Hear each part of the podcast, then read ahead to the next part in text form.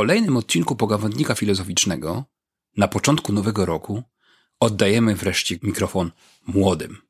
Któż bowiem lepiej niż młodzi opowie nam o studiowaniu filozofii? Udało mi się namówić dwoje studentów pierwszego roku, by podzielili się swoimi doświadczeniami po kilku miesiącach obcowania z materią filozoficzną. Jest z nami Konrad i Marta, witajcie. Dzień dobry. Dzień dobry. Może zacznę od takiego podstawowego pytania. Coście sobie takiego zrobili? Co wam strzeliło do głowy, żeby przyjść na filozofię? Mnie zainspirowały, szczerze mówiąc, początkowo e, inne zajęcia na drugim kierunku prawo, e, to znaczy konkretnie ćwiczenia z doktryn polityczno-prawnych u pani profesor Baranowskiej, e, w ramach których odbywaliśmy debaty. Akurat ja wylosowałam Piotra Kropotkina i bardzo mi się faktycznie podobało samo studiowanie jego poglądów, przygotowywanie się i debata, więc uznałam, że byłoby to warte poszerzenia. Później z kolei uczestniczyłam w fakultecie e, pana doktora Piotra Domerackiego Filozofia Samotności, który również serdecznie polecam, bo były to bardzo inspirujące zajęcia. I postanowiłam, że myślę, że jest to kierunek wart studiowania. Dlatego się tutaj znalazłam. Czyli to jest taka klasyczna sytuacja, w której mm, student innego niż filozofia kierunku, tak jak to się w Niemczech praktykowało przez lata, przychodzi na filozofię jako na drugi fakultet, tak? To, to tak to wygląda. A, mo a mogę zapytać, na którym roku studiujesz? E, na prawie jestem na trzecim roku. Mhm. No tak, to też inna perspektywa i, i trochę inna sytuacja niż osób, które przychodzą zaraz po, po maturze. A co nam powie Konrad w takim razie?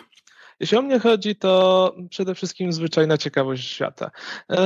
To e, nie chcę z tego robić, e, nie chcę mówić tutaj e, aż tak bardzo osobiście, ale od dziecka interesowała mnie rzeczywiście po prostu, interesował mnie świat sam w sobie, interesowała mnie rzeczywistość otaczająca.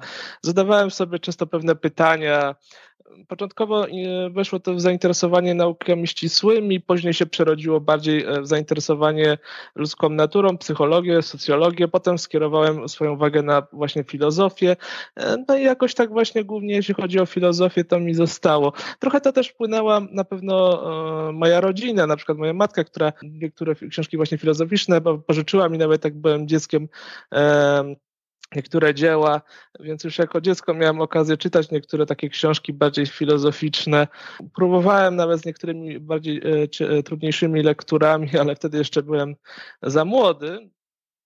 Filozofia, pomimo wielu, e, wielu kwestii poruszanych, że filozofia nie jest praktyczna. Ja się z tym nie zgadzam. Uważam, że filozofia dalej ma swoją siłę praktyczną i nie chodzi mi na przykład tylko o taką filozofię życiową typu stoicizm, który ostatnio stał się nawet na swój sposób chyba modny, e, czy też e, nie chodzi mi nawet o kwestie jakieś ideologiczne, bo w pewnym sensie można powiedzieć, że taki marxizm też jest w jakiś sposób e, filozofi teorią filozoficzną.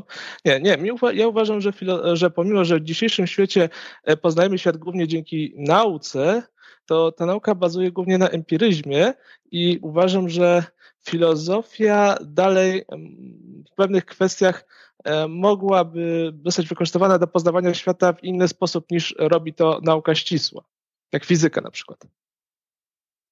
Wasz sposób myślenia o filozofii wydaje się dość nietypowy.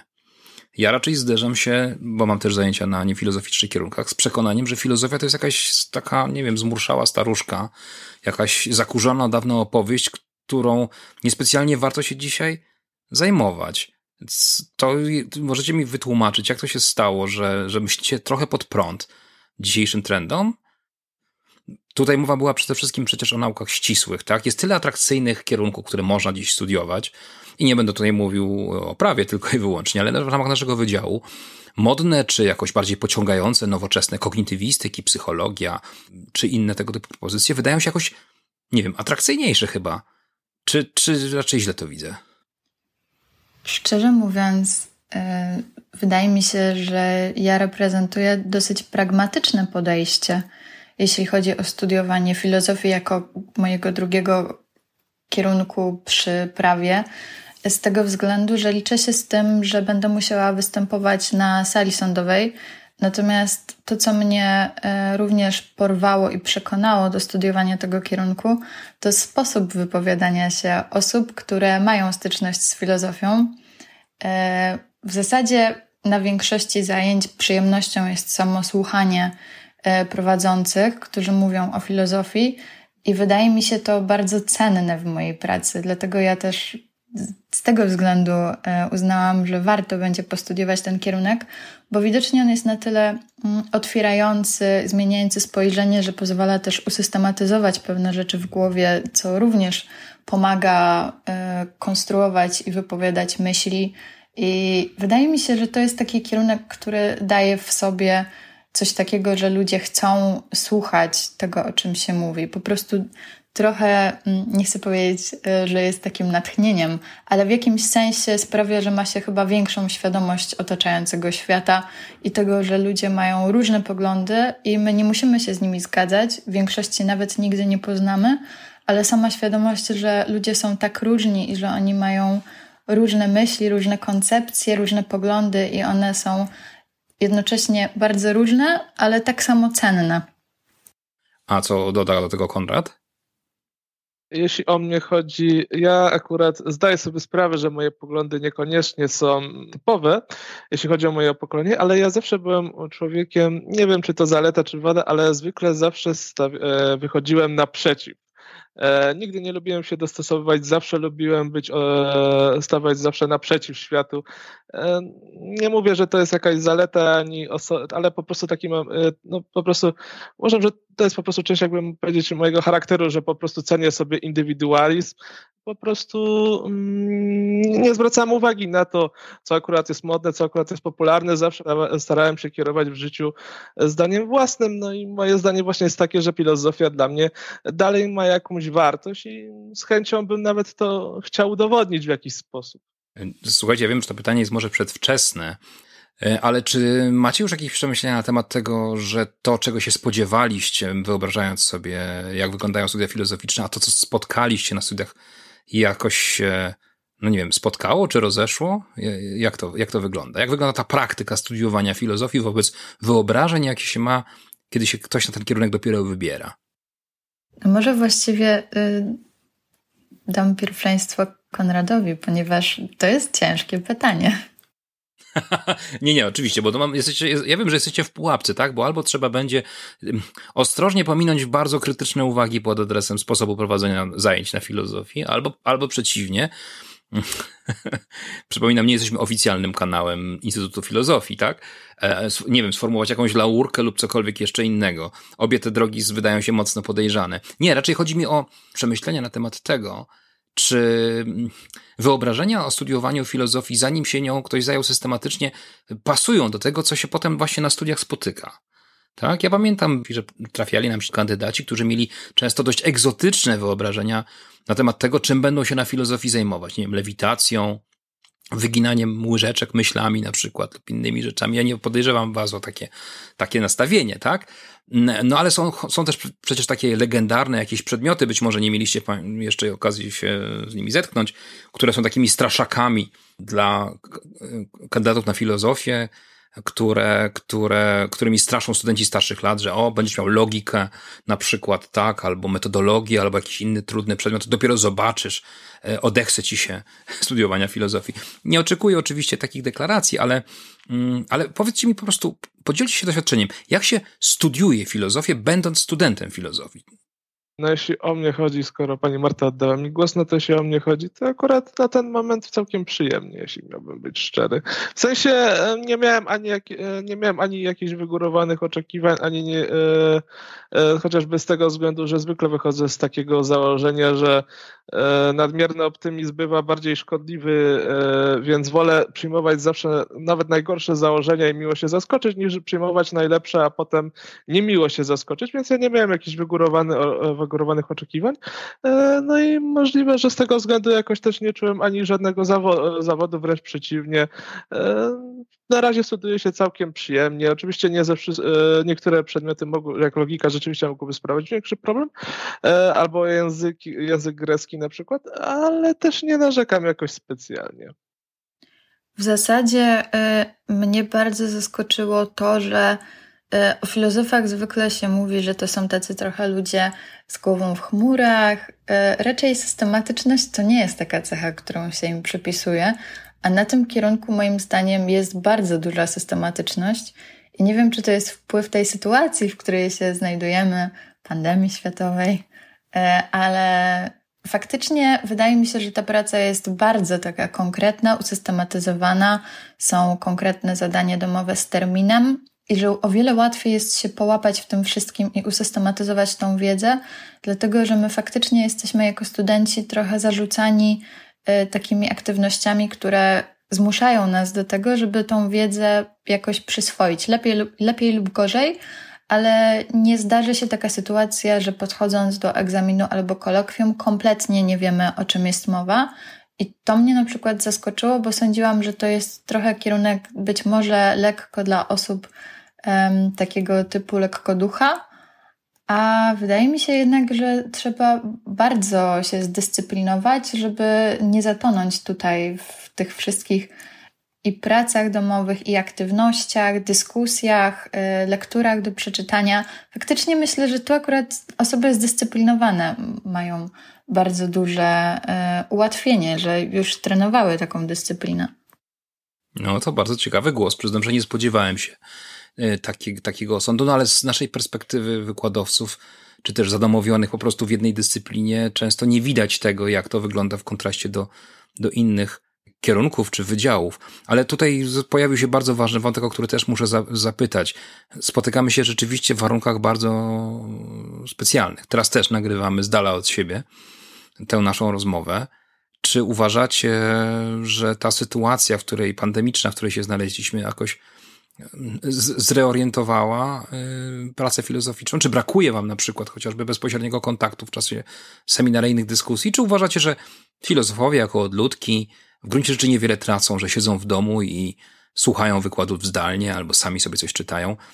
Znaczy, jeśli o mnie chodzi, no to ja na przykład uważam, że jednak ten e, brak bezpośredniego kontaktu w jakiś sposób może być problematyczny, bo Wydaje mi się, że jeśli jest taki bardziej bezpośredni kontakt w dyskusji, to jednak e, albo w wypowiadaniu się, e, to wtedy nie tylko widzimy daną osobę przez pryzmat E, jej wy, tego, co wyra, e, nie tylko widzimy, e, nie tylko, znaczy właściwie słyszymy to, co dana osoba mówi, ale też widzimy jej mimikę twarzy.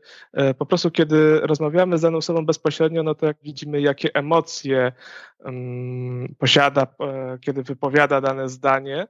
E, a tak, e, kiedy dyskutu- mówi się na odległość, często nawet nie widząc twarzy naszego rozmówcy, e, no to ta rozmowa jest jednak dużo bardziej zdystansowana i trochę taka bardziej bym powiedział bezosobowa.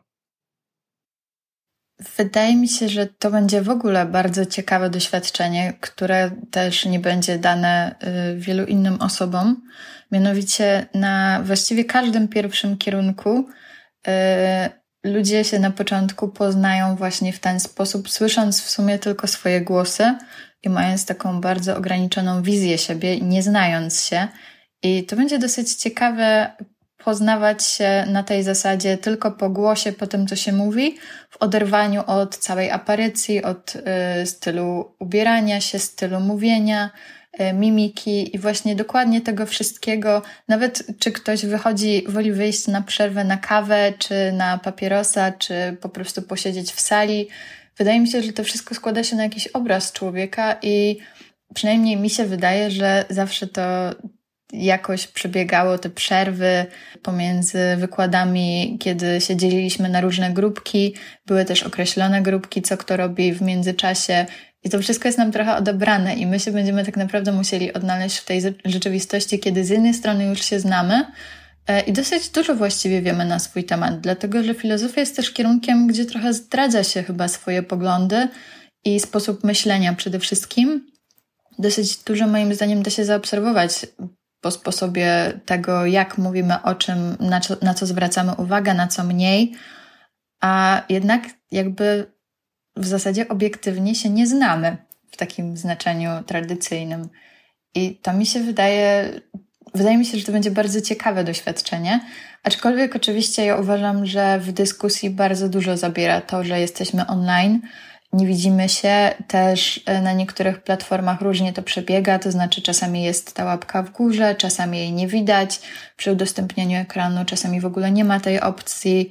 E, to też niektórym dodaje odwagi, że jesteśmy w internecie, niektórym odbiera. Trzeba w to włączyć również mm, na przykład połączenie internetowe słabej jakości, czy też urywane połączenie. I to są te wszystkie niuanse, które nie występują mimo wszystko w normalnym kontakcie na żywo, a my w jakiś sposób musimy sobie z nimi poradzić i się odnaleźć w tej rzeczywistości, jednocześnie nie gubić wątku, cały czas być w tej dyskusji i czuć się oficjalnie jak na zajęciach, mimo że w sumie cały czas siedzimy w domu, w naszym bezpiecznym miejscu. To pozwólcie, że nie wiem, jakoś takim, z jakimś takim przedsądem przystępowałem do tej rozmowy, że zadam wam pytanie, które może uda się połączyć z cytatem z znanego filmu Marka Koterskiego Nic śmiesznego. A ma ona być pretekstem, no może opowiem w takim razie, jak ta scena wygląda, żeby was wprowadzić trochę w, w klimat. Otóż, kiedy mm, Adaś Miałczyński idzie do dentysty, to tam się dzieją dantejskie sceny. Ludzie, którzy wychodzą z gabinetu, mdleją, dochodzą stamtąd jakieś straszne głosy. Kiedy w końcu przychodzi kolej naszego bohatera, żeby wszedł do gabinetu, to wówczas kobieta w korytarzu krzyczy do niego, niech pan tam nie idzie. Niech pan tam nie idzie! Nie, nie wiem, czemu myślę o tej scenie i czemu chcę ją tu wmontować. A mówię o tym dlatego, że chcę was zapytać o taką oto rzecz. Jaką to oto macie radę dla młodych ludzi, e, którzy myślą bardzo wstępnie o tym, żeby studiować filozofię? Przestrzeżecie ich przed tym, czym ich zachęcicie bądź zniechęcicie, czym ich nastraszycie? Co byście powiedzieli swoim młodszym kolegom i koleżankom, którzy powoli zaczynają rozważać taki oto wariant swojej edukacji?